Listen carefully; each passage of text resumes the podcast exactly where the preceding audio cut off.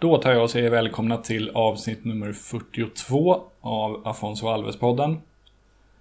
Jag heter Johan Dykhoff och i det här avsnittet blir det fokus på Eredivisie igen och närmare bestämt Feyenoord. Jag har nämligen intervjuat Mikos Schauka som är en fotbollsjournalist med lång erfarenhet av nederländsk fotboll och sedan knappt tio år tillbaka arbetar han med att specifikt bevaka just Feyenoord för tidningen Algemeen Dagblad. Anledningen till att jag ansåg det relevant att göra ett avsnitt med fokus på Feyenoord är att Afonso Alves näst mest anmärkningsvärda insats under sin tid i Heerenveen, borträknat den mot Herakles när han gjorde sju mål förstås, kom mot just Feyenoord. I ligaavslutningen säsongen 06-07 vann nämligen Heerenveen hemma mot Feyenoord med 5-1 och Afonso Alves gjorde inte mindre än fyra mål. Vilket innebar att han den säsongen slutade på 34 gjorda ligamål på 31 matcher. I den här intervjun pratar vi en del om den här matchen, men det blir framförallt fokus på Feyenoord som klubb generellt. I slutet av intervjun presenterar Mikos en lista över sina sju favoritutlänningar i Feyenoord under de år han har bevakat klubben och jag kan redan nu avslöja att en viss pratglad svensk anfallare placerade sig högt.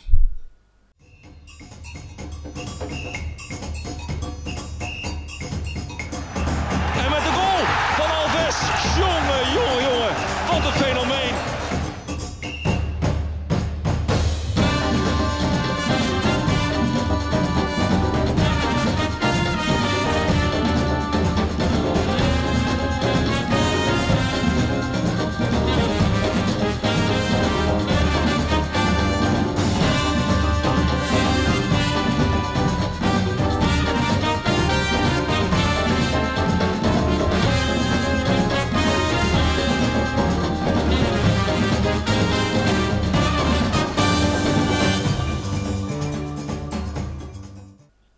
Your full name to start off.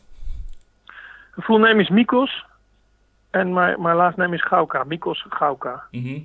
No middle names? No, no middle No name. middle names, okay. Uh, age? Age is 44. Mm. Uh, your city of birth and your current city of residence, respectively. And the city of birth is uh, Vlaardingen, and uh, city of residence is Delft. hmm Uh, your favorite player or players of all time? Favorite player all time is, is uh, Diego Maradona and uh, Paolo Rossi, and that's it. Mhm. That's it. If you would have to pick someone who who is currently playing, who would that be? And who's currently playing? Then it would be uh, I think Griezmann. Griezmann, yeah, he's good. Yes. Uh, is there any player or players who you don't like for any particular reason? I don't like, um, well, Thomas Müller, but I don't know why. I don't know why. Every time I see him, I, I, I hear every day, everybody's telling me he's such a nice guy, and and and, and he, I think he will, or he is. But well, I don't like him playing. He is a good player, of course. He's playing on top level, but uh, yeah, I don't know why. Yeah. I'm, I'm not enjoying him. Yeah, sometimes that happens. It's hard to put your finger on it, but sometimes you, yeah, you he don't- can't. He can't help it. He he can't help it. It's not his fault. But no, not my type of player. No. Uh, um, which is your best football experience? And that can either be as a player yourself, or as a fan, or as a journalist. Uh, as a player myself, I, I, I played on the highest amateur level in, in Holland, and uh, in that part I was also a student. And uh, there's a, there's a thing called Universiade, which is a kind of Olympics for uh, for students. And I, w- I was selected in the in the Dutch national team, and we played a tournament in uh, Sicily and Italia. Hmm. So that was that was my uh, my biggest thing as as a football player, I think, to wearing the national shirt, wear, uh, hearing the anthems, that kind of stuff. Mhm. Which was And, where? what position did they? I was a, a striker, uh, maybe uh, uh, partly in the in the in the center or on the left. But in Holland, we decided not to play so attacking uh, as we used to do. So uh, sometimes we only played with one striker. Uh, then you came on the bench, or you have to you have to develop on another position. Mm. But it was as a as a player, uh, I think it was one of the the best experience that you can have. Mhm. And uh, as a journalist, well, I, I I work myself up from an amateur level, uh, writing about fourth class uh, uh, amateurs playing each other in the same city till uh, the World Cup finals, and I enjoyed every every match of it. Also the also the matches on amateur level, which which I had to uh, write about. I I, I don't um, I, I see football as uh, as something um, very very nice to watch, even if it's not on the highest level. Of course, it's it's it's fun if you do the World Cup uh, with with Holland in 2014 in, in Brazil, that kind of stuff, or the Champions League finals and that kind of uh, thing. But I, I also enjoy the the low levels because football is, has always something in it which is um, is fun to talk about or to write about. Yeah, I completely agree. I often go to games in like the fifth or sixth division here in Stockholm, and I always enjoy it. Yeah. Um, let's see, which is your favorite type of goals? You know, goals can be beautiful in many different ways, but which uh, go- which kind of goals do you like the best? Uh, the goals which which uh, a lot of combinations uh, game uh, before before it is a goal. So Mm-hmm. not not the not the strike from uh, a big distance, which is is very nice to see, of course, but the the, the technical part of uh, of combinations and that um, is ripping a, a defense apart. That I like the most. A, little bit about um Barcelona, what Barcelona did uh, for several years, which uh, eh, like the tiki taka they called it. hmm Um, that that kind of goals that the, the, the defense is ripped apart. Okay. Um, which is your favorite sport besides football? If I assume that football Aside- is your. Uh, uh, beside football, yeah. which is which is number one, of course, it, it's cycling. oh, okay. Uh, how come? It's very popular in Holland. Eh? and, Mhm. Cycling, if, if the Tour de France is, is very big to to watch in the uh, in the television, and um, yeah, I, I I used to watch the Tour de France when I was a little uh, when I was a little boy, and and uh, I never stopped watching it. So. Uh, yeah, cycling is, is the is the second sport in, in Holland. We have a lot of big uh, big names in it in the past and now also. Uh, we, we win uh, big races, so um, yeah, it's fun to watch. Okay, nice. Uh, the uh, favorite country or city that you have visited? Uh, favorite country Spain, and it's all about the weather. Uh, I visited a lot of countries, but uh, one of the the most beautiful cities I, I've seen was uh, San Sebastian in uh, in Spain. Oh yeah, I've heard great things about that as well. Yeah, it's very good. Uh, let's see, your favorite band or musician? Uh, Oasis, which which died, of course. Eh, the the, Mhm. the combination of the two brothers, but uh, uh, I still listen to that music. Maybe it's a little bit uh, out outdated, but uh, that's the favorite part. Yeah, sure. Um, I would suppose that maybe most people in Sweden don't uh, don't know a whole lot about you. So could you briefly tell us about your career in journalism up to this point? Uh, yes. Um, I started out when I told before when- I was a uh, amateur player. Um, there was once uh, we we got with the team to Tenerife in in Spain, and uh, the local paper, daily paper, they called the newspaper and they said we want to have a, a diary about this uh, this week of the football team in Tenerife. Is there someone in the team who can uh, play football but who can also uh, write about it? And then our trainer, which is now the, the boss of the of the national, how do you call it, KNVB, the national uh, um, Football Federation. yeah, football federation, Eric Gudde. He was then he was then uh, the trainer of uh, Excelsior Maasluis, the team I was uh, playing in. And he asked me, he said, "Can you do that?" And I wrote about uh, the week in Tenerife, and then um, they put it in the newspaper. And the the boss of the newspaper of the sports section said, "Well, it was nice to uh, nice to read. Uh, can you do something more about for us? Maybe you can go to uh, to amateur t- uh, amateur games and write about it, or maybe do some interviews with local uh, heroes, sport heroes." Mhm.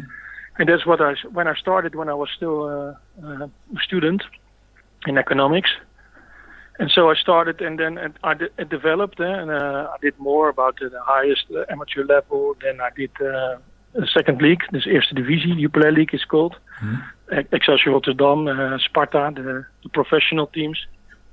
And then I did uh, Feyenoord uh, and the, and the national team. So I developed it in uh, from the from the lowest parts of football to the highest parts uh, in that in in a period of I think now let's say 20 years. Mm. And when when did you start covering uh, Feyenoord? Feyenoord I started covering when Mario Been started his, uh, his his career there as a trainer coach, and I think it's it's for about eight or nine years. Okay. Maybe maybe already ten. Then Mario Been was there two seasons. Then uh, uh, Ronald Koeman came for Mhm. three seasons. Then Fred Fred Rutten for one season, and now Giovanni van Bronckhorst for his third season. Nice. So you've been around for quite some time at the club. Yeah, yeah, at the at the same club, and uh, uh, I don't dislike it because uh, uh, if you know a lot of people, they, they will they will find you if there's something, and uh, you you have a lot of uh, sources and, and uh, know a lot about. So this this is the easiest part of working when you know a lot of people. If they put you on a on a strange uh, club and try to get the news, it's it's difficult. Uh, you need to to get years. For developing um, the context, and I, I have that already. So um, yeah, it's nice to do, and it's, it, I never dislike it because it's it's already nine years or ten years or eight years. Mm. I uh, I still like it as it was the first day. Great to hear.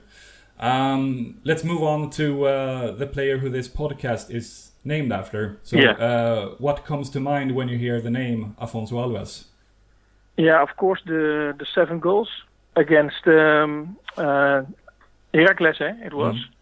Of course that because yeah, it it it was a lot, once in a lifetime. Uh, you, when you see that nine nine zero is uh, is also is, is, is very strange, yeah, in a, in a national in the highest national league.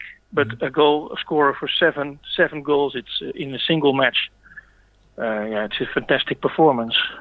So uh, that that's what comes to my my mind uh, at first, and then I know he was sold to Middlesbrough, and then we lost him a, a little bit, and now I saw his last team was um, Al Gharafa.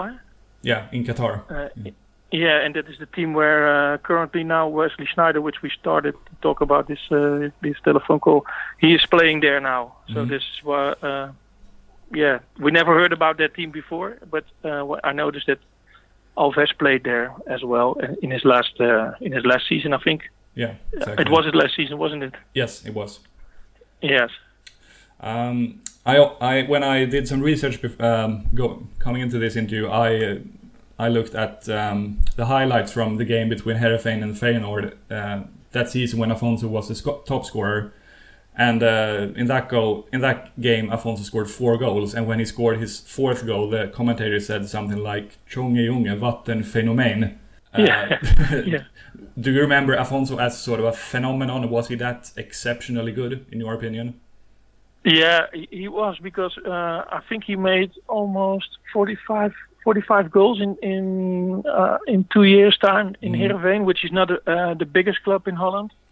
Uh, although they had a lot of good strikers with with Huntelaar and, and Samaras, but yeah, we, we remember him as as a as a player uh, who could score from every position, and who only lived to to uh, to make goals. Eh? When he uh, when he scored uh, the seven goals, he was not looking for the other uh, option to play um, uh, a teammate or that kind of stuff. He was a real striker.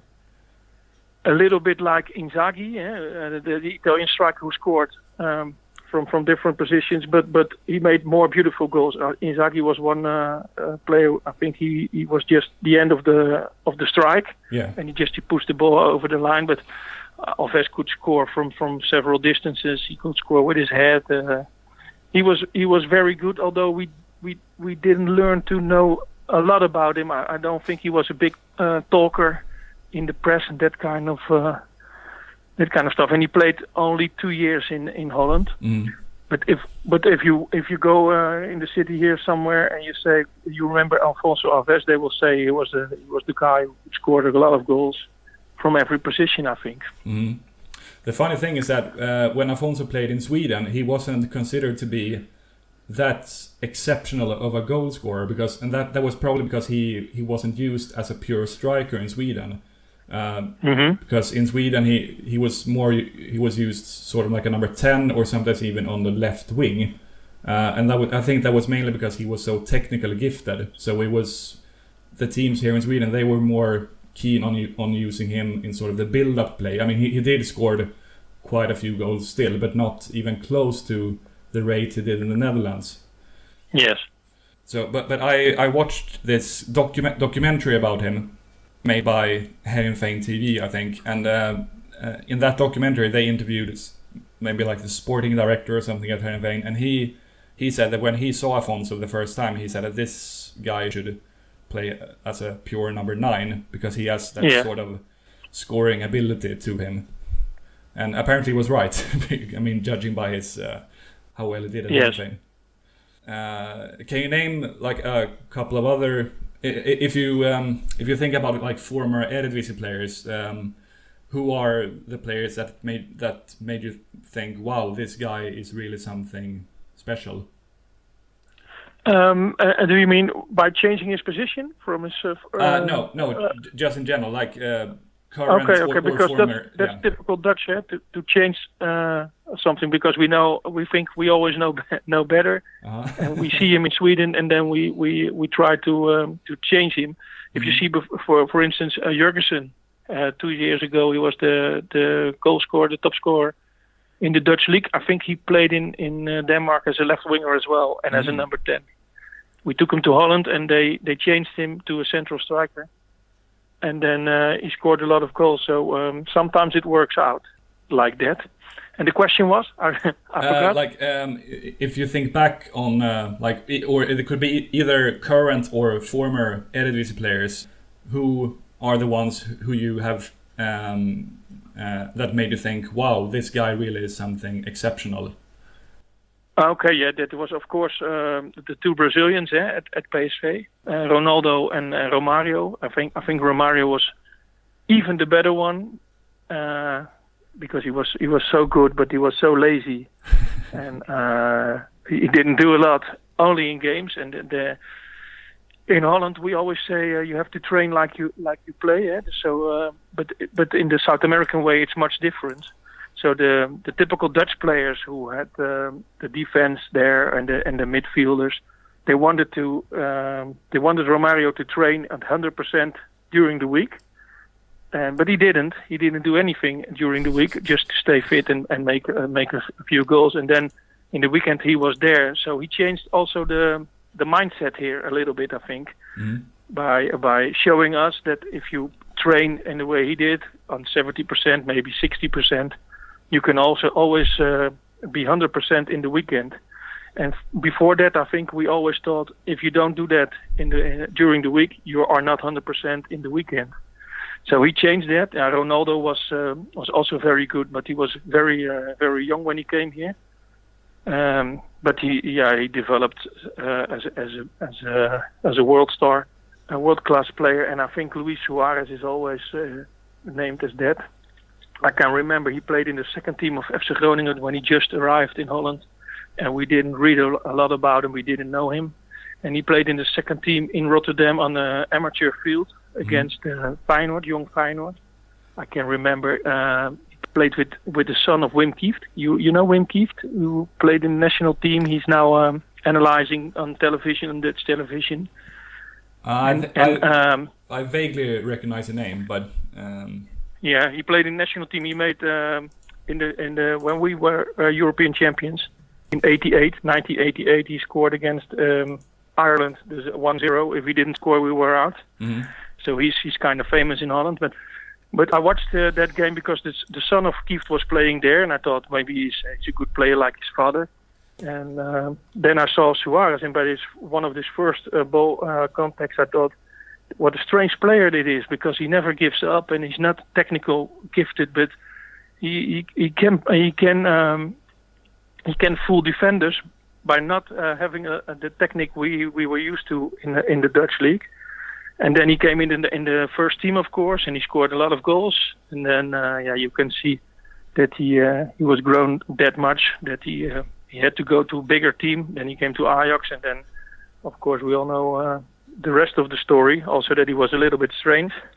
but I think these three names, uh, yeah, are the are the first names who would come up in, in my mind.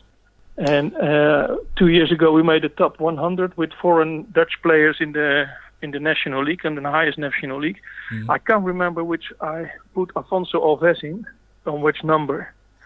but I, I can remember that um, yeah, the Brazilians were on top of it, uh, Romario and Ronaldo, and I think Suarez was in the top in the top four, top 5 Mhm. And we all have, have Luc Nilis. You remember him, the, Yeah, the Belgian Belgian. player. Yeah.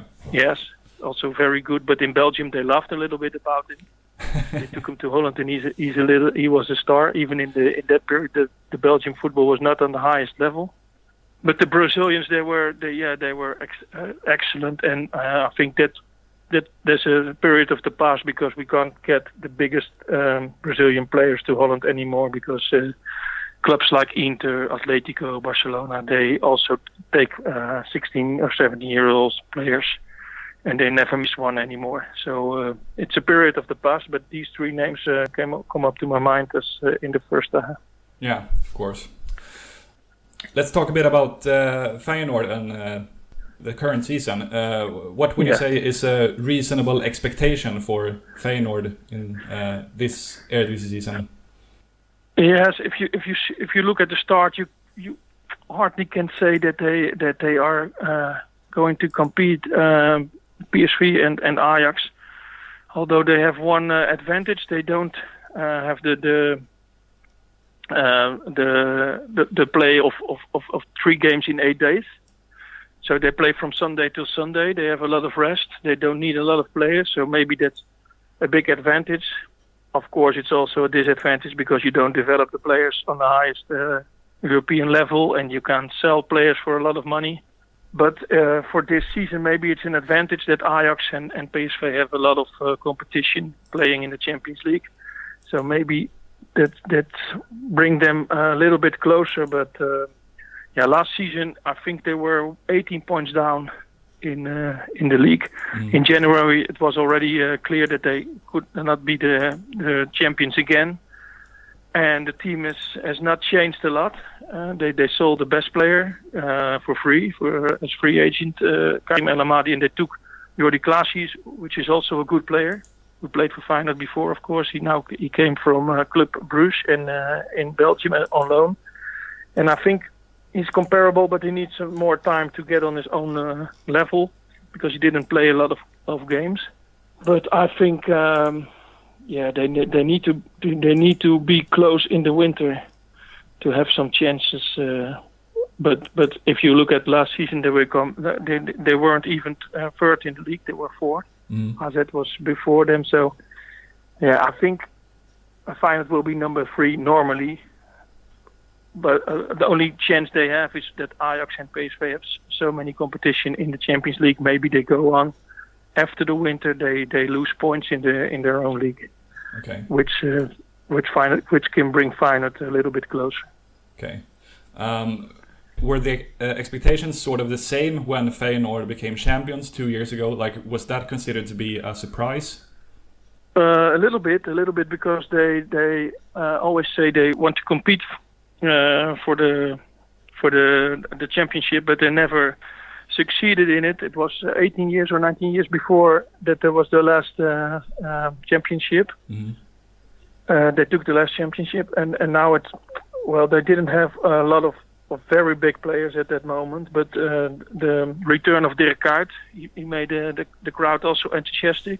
And on the left wing, we had um uh, Elia, also experience played in the in the cup final, uh, in the World Cup final in South Africa. So we knew that they would be a little bit closer. They took some experience, like Botteghin van, van Groningen and Van Heijden from Vitesse. Experienced goal, goalkeeper, some talents. We saw that they had an interesting, uh, an interesting team, but we didn't thought they would uh, they would be able to to uh, beat Ajax and PSV as well. Maybe one of the teams, like they did before on the Ronald Koeman, Mhm. they did uh, beat Ajax or PSV on the league, but not uh, both of them in one season. So it was a little bit su- su- surprising, but um, well, I, I think the experience they brought in uh, made a change because Ajax in that period was also uh, depending on on uh, youth players who played uh, at eight on Sunday, and the next Sunday they played a four or a five, and uh, the level on, on of Feyenoord was was more stable, not not uh, tens or nines, but always six or seven. And Dirk Kuyt made a lot of uh, made a lot of difference, of course. Okay. Who would you say are some of the most important players at Feyenoord this season? This season, uh, Robin van Persie, of course, mm-hmm. although he's he's getting old and uh, physically he's not he's not able to to perform like he used to. But um, yeah, he's one of the the biggest names, and his technical skills are are, are so much higher than his than his teammates. Then, of course, they still have the Danish striker uh, Nicolai Jørgensen, which is a strange, which uh, is a strange part of the of the club because he came in, we didn't know him. He became uh, top scorer. He made he gave a lot of assists. Feyenoord became uh, champion. But last season he was uh, injured. He had some private problems. He um, he got a red card uh, in the Ajax away game. Uh, in the winter, he could have been sold to Newcastle for 17 million euros, and, and Feyenoord didn't want to sell him. But after that, he, he only made one uh, important goal, which was in the cup final. So uh, his first season was, well, uh, let's say, he he got a nine for it, and his second season was a four. So we are um, expecting a lot of him in this season, but he started really bad with with an injury after a bad a bad World Cup with with Denmark. Mm. But if he's fit and if he's in uh, in uh, in shape, he's one of the important players. And um, of course, Tonny Vilhena, which is the only player of Feyenoord in the Dutch national uh, uh, team. He he played yesterday as a substitute. He's an important player as well, uh, especially when um, Karim El Ahmadi has gone. He's the guy who's uh, is putting the muscles on the on the midfield and I think he's playing his last season in in uh, in Rotterdam. Then he will move on to England or Italy, that kind of uh, that kind of leagues. Okay. Um, by the way, what, what on earth happened in the Europa League uh, qualifiers? I, I, saw that Feyenoord lost five goals to one on aggregate against a team yeah. from Slovakia. That must have been a huge disappointment. It was a disaster, yes, because um, the Dutch national the Dutch teams also uh, uh, um, traditionally have a lot of problems in qualifications because they're not ready when they start uh, the preseason. Normally, they still have to sell players or they have to buy players. Yeah. But Feyenoord was already in uh, in shape. They they had the, the squad already for, for weeks. They knew uh, which players could play. Okay, uh, although they have a, a few injuries in in that in that game. But I think they they went to uh, Trenčín or they played in Žilina uh, with the idea from well maybe we lose, maybe we, we, we get a draw, but then we have a home game and we, we, we push them away and there's no problem. But they they lost four 0 but it could have been six or seven. It was uh, such a big difference. Oh really? Which uh, yeah, and, and, and Trenčín is not a famous team. They play uh, in a typical Dutch way. Eh? They have a Dutch um, um, uh, owner, hmm. and they have a Dutch uh, uh, coach. And they play a little bit in the way I like Ajax used to play, like Johan Cruyff always play, says, with with uh, three strikers and the number ten and that kind of uh, kind of stuff. So they played okay, but well, it was one of the uh, the worst performances I've ever seen of, of Feyenoord. And, and in the home game, uh, they got I think 15 chances to score a goal. They scored only one, but uh, there they showed that Trenčín was not a big name, not a big team, and Trenčín is already out in the in the qualification game after against Larnaca with a draw at home and 3-0 uh, 3-0 defeat in uh, in Cyprus. So um, yeah, it was a disaster. It was one of the worst uh, performances we have we have seen, and it cost a lot of money. And uh, of course, um, which I told before, the players cannot develop on a higher level by playing games against, uh, for instance, Sevilla or that kind of kind of stuff. Mm. You cannot show as a player that you are ready for the next step. So, uh, well, it, it, it it was a big problem. Yeah, it was a, a little bit of a crisis because they also lost the first game of the league. Then uh, there was a little bit of a crisis, but after that they had a win. Uh, they had three games. They won three or mm. four. I'm not sure about it. Three, I, I, thought three. Yeah. yeah, three. So they they showed some uh, some muscles after that, but uh, yeah, the start was was a disaster. Uh huh. Yeah, that's. I mean, it's. Um, I don't know if that's the case for Feyenoord, but um, it has happened quite a few times for big teams in Sweden that they've made it to um, the either Champions League or uh, Europa League qualifiers, and they've been drawn against a pretty weak team, or at least what is considered to be a pretty small and weak team, and then they just Yes. completely make a mess of it, and they lose like three or four nothing away, uh, and uh, it's it's sort of taken as a proof that proof that okay, we're just we're not ready for European football. Yeah, but but it was very strange. Uh, which you, you say Trentin is not a big team, and they had all the players. The only thing was they had a, a little bit of injuries, that- which is uh, Van Persie was, for instance, was not playing because they, he played a few a few days before in the in the Super Cup against uh, PSV, and he was not ready to compete in uh, on a European level. But I also think that they they thought, well, these players are not uh, fully fit. We don't take any risk. Uh, we go to to to Trenčín. We play there. We should win there, but maybe we have a draw, or maybe we have a small uh, uh, defeat, and then we have our home game, and there's no problem. The season is is long, and this uh, this is only one match, but yeah, 4-0 against the uh, team of Slovakia. That's is, yeah. Uh, we are not the biggest football country in the world anymore, but um, we shouldn't uh, go so low as as on that day in, uh, in No, of course not. Um, you talked a bit about uh, Van Persie and also Dirk Kuyt uh, previously. Um, is there any other former Feyenoord player uh, who the fans are hoping will return to the club sometime in the future, in the same way as Van Persie and Dirk Kuyt did? Yes, they, yes, they, they hope, for instance, that uh, which was already uh, the case in in, uh, in this uh, summer that that Daryl Janmaat is returning from Watford. It's not a big name like uh, Van Persie or, and uh, and Kuyt, of course, but that that kind of players they hope they return. Like Leroy Fer who played in the in, at, at Feyenoord, uh, and now he's playing at Swansea. He wants to return as well maybe for uh, Georginio Wijnaldum, although he's not the, the, the most popular player in Rotterdam anymore because he left fine he left Feyenoord for PSV when Feyenoord was not um, um, having a lot of money. So uh, th- that kind of names. Uh, and they, they also talk about uh, Kalou, the, the younger Kalou, who's playing at uh, Hertha BSC in Germany. Ah, The right. fans want him to return as well, but Mhm. If if that is uh, possible, we don't know. Uh, I think Van Persie is the is the biggest name because he developed from the youth league, uh, from from the youth uh, academy of Feyenoord to the to the first team. And Dirk Kuyt was was bought from FC Utrecht. eh. He was a, of course, he was a star at uh, at Feyenoord, but Van Persie was yeah he, he made the circle round because he was a youth player as well. But they have some names, but not not in the um, category of uh, of Kuyt and, and Van Persie. No, I see. Um, I've been to Rotterdam uh, once, and I I went to a Sparta Rotterdam game when I was there at uh, Het Kasteel, and it was a, Yes. which was a lovely stadium, I must say. Uh, how would you describe the relationship between Feyenoord and Sparta? Oh, it's not friendly. It's not. Uh, it's not friendly. Sparta, of course, uh, once became uh, champions of the of our country, but it's a long time ago. And um, if you go to to uh, Sparta and after the match, um, in this period, it's not. It's not. Uh, uh, it changed it because you have your mobile phones and you now know which is score at the other fields. But uh, um, years ago, when I was a kid and I was at the at the at the stadium at Sparta, and after the match they were uh, shouting the the results of the other teams.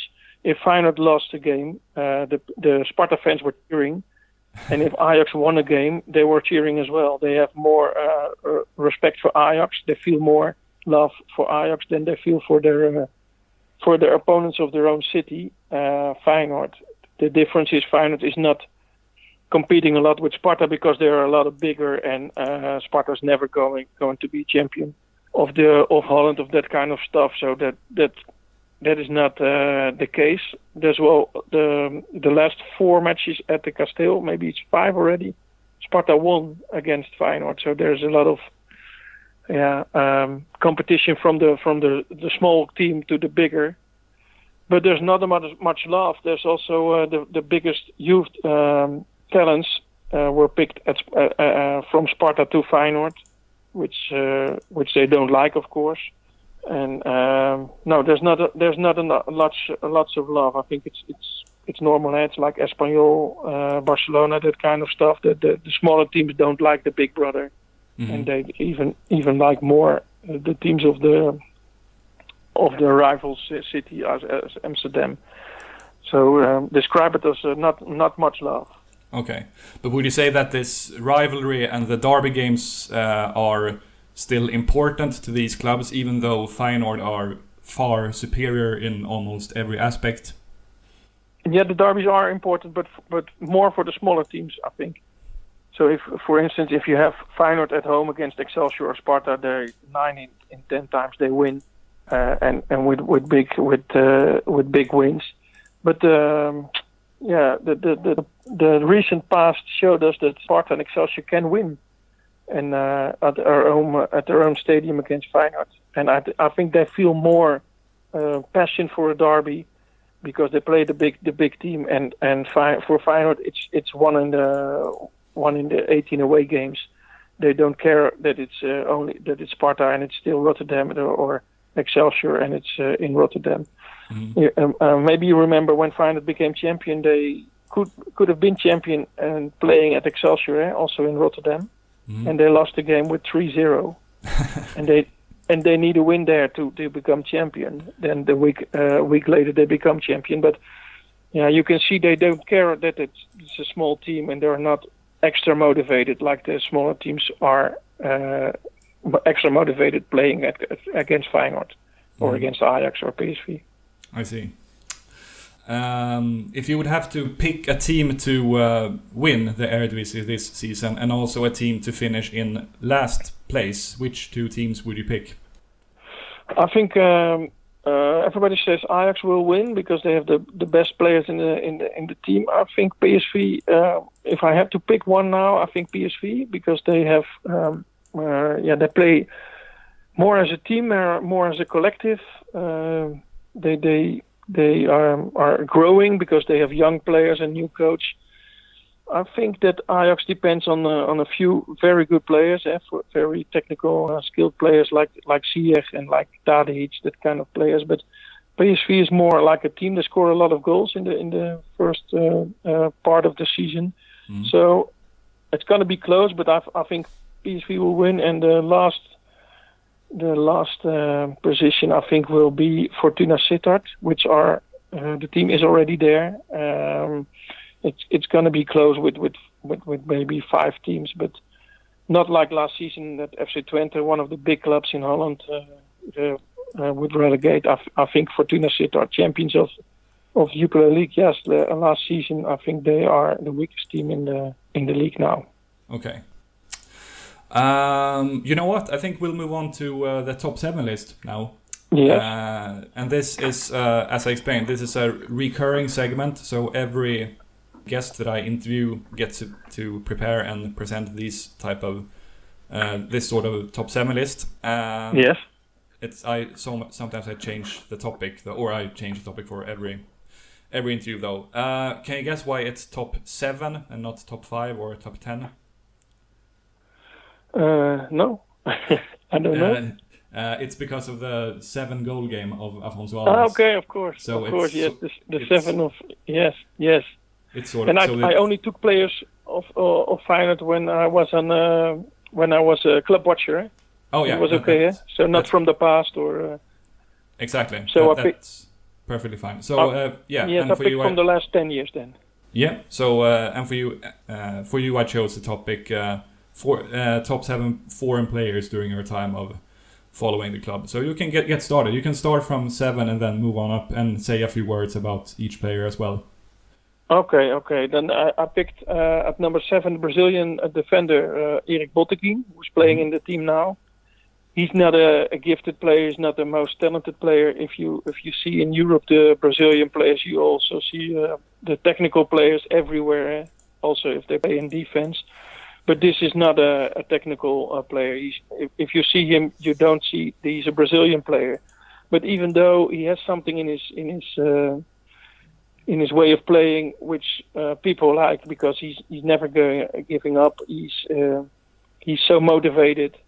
He's uh, physically all right, and he's also a very nice person. So uh, Eric Botteghin, which was um, developing from PEC Zwolle to uh, NAC Breda to FC Groningen, uh, sub-top uh, clubs in Holland, and we never thought he would be on champion of Holland but he did two years ago, or one and a half years ago. So he was he's number 7 mm Uh, number six is Andre Bahia. He's also a Brazilian player. And, and Oh. um, sorry. Yeah, uh, yeah. Uh, I was, I was, I, I, I had almost forgotten about him, but now I remember him, and uh, he Yes, played, yes. he played for a long time in. uh, Yes, he or pla- at, uh, played for a very long time, and uh, the the story I told about Botteghin is also uh, a part of Bahia. He's not a he was not a gifted player. Uh, in Holland, they always say, "Well, Feyenoord uh, in in Brazilian, you have only good players, and Feyenoord buys the bad ones." but this was this was this was uh, this guy was a a nice guy. He was he was a good defender, but not special. But he played for several years in in the in uh, National League in, at Feyenoord. He played um, in a team when he left. I think he was one of the players who were- had the most years in at Feyenoord at that at that time. And um, well, the the people liked him um, because one of his his first matches, I think it was in in China. There was a, a, a fight on the field, and he showed his uh, his strength. He took an opponent, and it was not a not a big fight, but he showed that he uh, he came up for his teammates, and well, that that that made him popular in Holland, even though he never was close to the national team or that kind of stuff. And um, I think he he went to uh, Brazil again. I think maybe he's playing in Brazil, or maybe he stopped already. I think he's playing in uh, in uh, Japan at the moment. In in Japan, okay, Yeah. okay, yes, yes. And he had to leave at Feyenoord after I think six or seven years because he was not uh, um, he was not in the in the first team anymore. And you Yeah. have to earn a lot of money eh? if you if you come from outside Europe. Um, then you, you you have to earn for for instance five five hundred thousand at least. So um, that was too much for putting him on the bench. So uh, they sold him. On number five, uh, Nicolai Jørgensen, uh, a good player, um, top scorer, uh, champions with Holland, uh, the most assists. But even though a player who, who Feyenoord refused to get 17 million euros, which also which almost was a, club record, I think 20 million is a record. But Feyenoord didn't want to sell him for 17 million euros, and um, that's a little bit strange because they need money to to uh, to grow and they they need to sell players. But yeah, they think he can do better. Um, and I told before, last season was crap. This season start was also uh, uh, was not good because of his physical uh, problems. But uh, if he plays in the way he did it uh, at the, at the year Feyenoord became champion, uh, yeah, then the people start loving him again. And that is that's also very very strange because he scored a lot of goals. He was the top scorer, but he never uh, got the popularity of, for instance, uh, or Pelle or or that kind of players. Maybe because he's not so outspoken, he's not um, cheering a lot when he scores the goals. He's he's typical. We say he's typical Scandinavian. Eh? He's, Uh-huh. he's, uh, he's he's not showing his emotions a lot. But uh, even though I, I put him on, on, on five, Yeah. on four I put uh, Karim El Ahmadi, and maybe it's not uh, the right person to pick because he's uh, he's not a foreign player uh, like he's uh, grown up in Holland eh, and he's he developed at, at FC Twente and came Feyenoord. But still, he's uh, Morocco, eh? Morocco um, uh, uh, uh, from Moroccan parents, and he's playing in the national team. So I put him in because he's not playing in the Dutch national team. Yeah. I sure. think El Ahmadi was was was uh, he, he came to Feyenoord also for a lot of money, and he didn't uh, perform as they as they hoped. And in his last season, uh, the people thought so. It's, it's his last season, so maybe he's going out now. Uh, finally, that that in that period they thought about it, and then he then Ronald Koeman came, and he became one of the best players in the in the team. He got to the World Cup last season. Uh, yeah, he played he played very good. So. Uh, in two periods. Eh? Uh, they sold him to Aston Villa and they took him back for uh, I think 800,000 euros. Now they they they let him go for, as a free agent, but I think he's a very good player. Um, he's he's technical, very good, but he's also uh, a fighter on the midfield. So um, I like to watch him. As number three, maybe you forgot about him, is, is Stefan Babovic. Remember him? Oh, the Serbian uh, midfielder. Yes, Serbian guy. Uh, yeah, f- uh, he didn't made a lot of uh, appearances in the first team, but the funny part was uh, when he came to find they had no money and they couldn't uh, uh, buy players. But uh, Babovic wanted to leave Serbia and he wanted to play in Holland. And then his father was was a, a billionaire, we heard, his father paid his salary, and his father uh, took a, a, business unit at Feyenoord for a few years. So he's, he, he, he paid that um, as well. Okay. So they had a free player, and then the, the the the fans of Feyenoord were always singing about him that his father was buying him and his father was uh, paying him, and, and and they liked him a lot because uh, when he scored, he didn't score a lot, but when he scored, he was um, um, making contact with the fans mm. uh, by by running to the to the to the tribunes and to the stands, and uh, yeah, he was also a funny guy. I can remember uh, there was a big tournament, tennis tournament in Holland ABN tennis tournament in Rotterdam, and uh, Djokovic was the, the Serbian guy, and um, Babovic and uh, Djokovic they never met, I think, but uh, there was a, a television there was a television uh, crew which wanted to take Babovic to uh, to uh, the tennis tournament and to meet uh, Djokovic, and Djokovic agreed. So Djokovic was already standing there with his uh, record and. Uh, they also wanted to give him a final shirt and that kind of stuff, and he was waiting. But Babovic never showed up, and then the the television crew called him from Stefan, where are you? We have the biggest tennis player in the world here, watch standing and waiting for you. And then he said, "Well, I'm uh, just having a, a workout in the gym. Um, maybe I can make it, maybe maybe not." But uh, he let the biggest player in the world, his his uh, his, his uh, country mate, he let him wait, and uh, yeah, we we like that because uh, it's a little bit funny. Normally, you drive with 180 uh, kilometers per hour of course. to to Djokovic and to join him, but he didn't care about that. Uh, the second was was uh, Graziano Pelle. Uh, he came to Holland to AZ with Louis van Gaal took him there after the Youth World Cup in Holland, but he didn't was he didn't perform as they wanted him. He was not um, very good, but he was very popular with the girls. Eh? He was he was always dressed nice and he was good looking, but uh, it was not the player they want him, and then uh, they want him to be. Then the son of Ronald Koeman was in in Spain, and he saw Pelle on the. Koeman was also a trainer uh, of AZ eh, before, and the son of him uh, saw Pelle on the beach, and they start talking. And he said, "Well, why don't you come to Feyenoord?" And then Pelle said, "Well, let's give them uh, let let them call me and so you see a lot of big teams have scouting staffs and they have their uh, analysis and they have they can see everything from players all, all, around the world but this was the way they took Pelle to Feyenoord he just said well let's let's call give me a call and they did he came to Holland and then we thought it would be the Pelle of AZ he was not so good and after two training sessions I spoke with his teammates and they said, well, this this player is like a beast in in uh, in front. He's so strong and he's so good, and he played very good at at uh, at Feyenoord.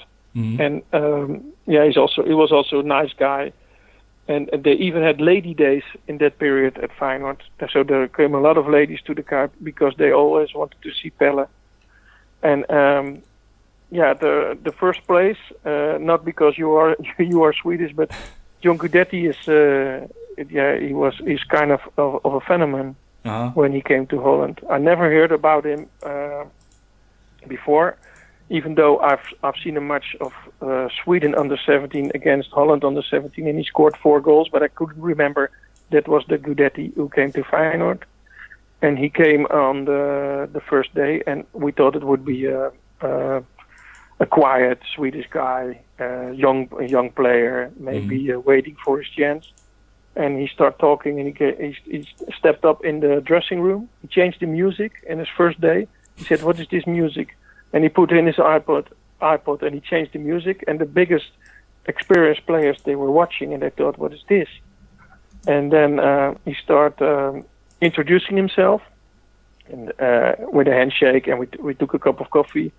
and he told uh, Feyenoord was number 10 before he came number 10 in the league or number 9 Mm-hmm. And I, I, asked him about his expectations. He said, "Well, uh, we have to become champion, and we need to to play in the Champions League." So I started laughing, and uh, he said, "Why are you laughing?" and I said, uh, "Well, they were number nine last season, and you think about the championship." But he said, "Well, we talk about it later in the season, but." Remember my words. Then he played his first game in Breda. He came in as a substitute.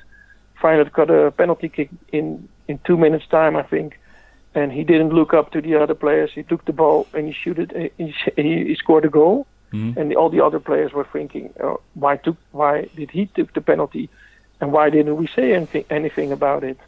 And afterwards, he, he had his first talk with the press in uh, uh, uh, before the cameras, and we said, "Well, John, it was a very good um, uh, performance, and your first performance." And then he st- he started shaking his head and said, "You ain't seen nothing yet, my friend." And then he walked away. and yeah, we were so so surprised, and the other players they start laughing, and, and it, it was yeah, it was very big the season he was there. He scored three goals against Feyenoord, against Ajax. He scored three goals against FC Twente, which were big in that period. So Mhm. uh, and then at the end he became sick. Eh? There was uh, uh, he, he took a wrong chicken, we we think, and the muscles. Uh, collapsed and he didn't uh, get a chance to go to go to the I think to the World Cup or the European Cup. I I can't remember. Uh, but he came became a player of the year, and uh, yeah, well, it was only one year, but people are still thinking uh, and and talking about him. And um, after that, he came back here with Celta de Vigo at Ajax, and he started shouting into the camera, uh, "Feyenoord, Feyenoord," that kind of stuff. And he's talking uh, um, aggressive things about Ajax that they don't, that he doesn't like the team, and they got uh, beaten by him and that kind of stuff. And he, he put on three fingers because he scored three goals. Uh, we didn't see that. Uh, we we didn't see that a lot, and not from a young guy from Sweden. He was only 19 years old when he came. So Mhm. it was a very fun uh, year to watch, and I think uh, that's why he's on number one. Nice. I wonder if he if he'll ever reach that level again because I mean he's, he's had such a strange career after that uh, Yes. season at Feyenoord, and uh, also he's never really shown after that he's never really shown to be that type of a goal scorer either. I mean he's had like seven, six or seven goals each season, something like that. Yeah. Um, Also, of course, the the level he's playing in in the competition level is higher. In, Yeah, of Spanish, course. in the Spanish league, and sometimes you see a, a, great goal of him, eh? uh, but it's uh, yeah, yeah, you are right. It's not 20 like he did in Holland or 21, but um, but one or two in a in a long period, and also not um, at the World Cup he was not playing, eh? Only as a substitute. yeah, That's also because he's a striker, and uh, Sweden doesn't spl- play with a lot of strikers. That's a, a problem for him, of course. But yeah, the the technical stuff of Feyenoord was was uh, impressed, but the, the medical stuff said he had a he had a very uh, uh, he had very uh, big uh, physical problems, and they were really relighted that he uh, w- that he played again after that uh, Mhm. at at the at Celtic and that kind of. Uh, and I visited him in. Uh, in Manchester uh, a year after he left, and he was uh, walking around with me in, in the center of Manchester. And then one of uh, one of the uh, English people came to him, and they say, "You are John Guidetti, isn't it?" And he starts smiling because he was uh, yeah I was there with him, and he felt he felt good because they recognized him. And then she said, "You made three goals against Ajax," and she was English. And then he started laughing and he said, "Well, you think that I arranged it? Eh? I arranged it. I put the, the girl in uh, in the center uh, to to impress you, but she she didn't talk about Manchester City or that or Sweden national team, or she started talking about three goals against Ajax. And uh, you you you have to know that uh, Feyenoord is never never beating Ajax uh, in, in recently. I think in 24 games or something, there was only one win, and that was when uh, Guidetti was playing, and he scored three goals and uh, his father was sitting on the on the stands, and people around him were really big people of Rotterdam were were uh, were crying around him. So it was impressive. It was only one season, but I, I think he should never go back because he can never do the same again. And the, the expectations will, will be very high when he when he comes back. But uh, yeah, I hope he, he will get his level of Feyenoord uh, back again. yeah. But it will be uh, not so easy. No. I, I can say I, w- I did expect you to pick uh, John Guidetti in this list, but I didn't. Act, but not as number one actually. Um, No, no. And also, I was I was thinking about uh, the possibility of uh, if any other Swedish player would make the list, but there haven't been that many great Swedish players at at Feyenoord the last couple of seasons. Sam Larsson is doing No, okay. of course, Henk, and uh, of course, Henke Larsson, eh, but he was before uh, I was uh, I was club watcher, Yeah. and uh, yeah, Sam Larsson, Sam Larsson, but he's he's not doing well, not at all uh, at, at this at this uh, moment. Simon Gustafsson, he's a Mhm. he's a technical gifted player, but at Feyenoord only a few games, and they sold him already. Um, I can remember uh, uh, it was a defense Per, player. Is uh, per Hansson, the time ago. goalkeeper, but uh, uh, yeah, Alexander Östlund, the right back. That was Östlund, yes, yes, Yeah, and the goalkeeper was the second goalkeeper. yeah, uh, exactly. Swedish, yes, yeah. But he didn't perform uh, in the in the first team. I think No. maybe only one or two matches. Yeah. But uh, Yeah. nice to hear about Guidetti, and I hope he'll, I hope he'll do better than he's. Uh, I mean, he, he's he is play, playing in Spain, which isn't which isn't too bad, but I I would like to see him score at Yeah, the next step. yeah exactly. Yes. exactly. Yes. Yeah, Ah. well, we hope so too. But I think the the, the physical part uh, um, has a lot of the uh, uh, yeah. It's, the reason because that he's not grown so fast as Mhm. as he could have been.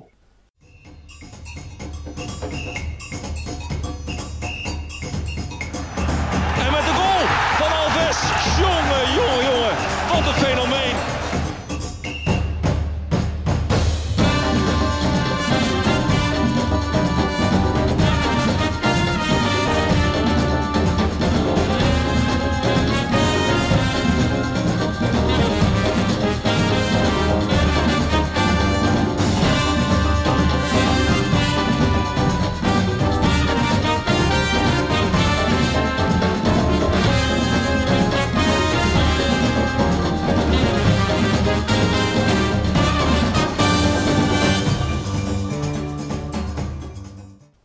Sådär ja, då tar vi och tackar Mikos Schauka för att han tog sig tid att ställa upp på den här intervjun och vi önskar honom såklart all lycka framöver där nere i Nederländerna. Eh, fler intervjuer kommer att komma. Jag är dock lite busy nu kommande veckor så vi får se om jag hinner göra något mer avsnitt nu under september. Jag hoppas det, men jag flaggar för att det kanske dröjer ett tag till nästa avsnitt. Eh, ha det så bra så länge. Vi hörs när vi hörs, som sagt. Tja, tja!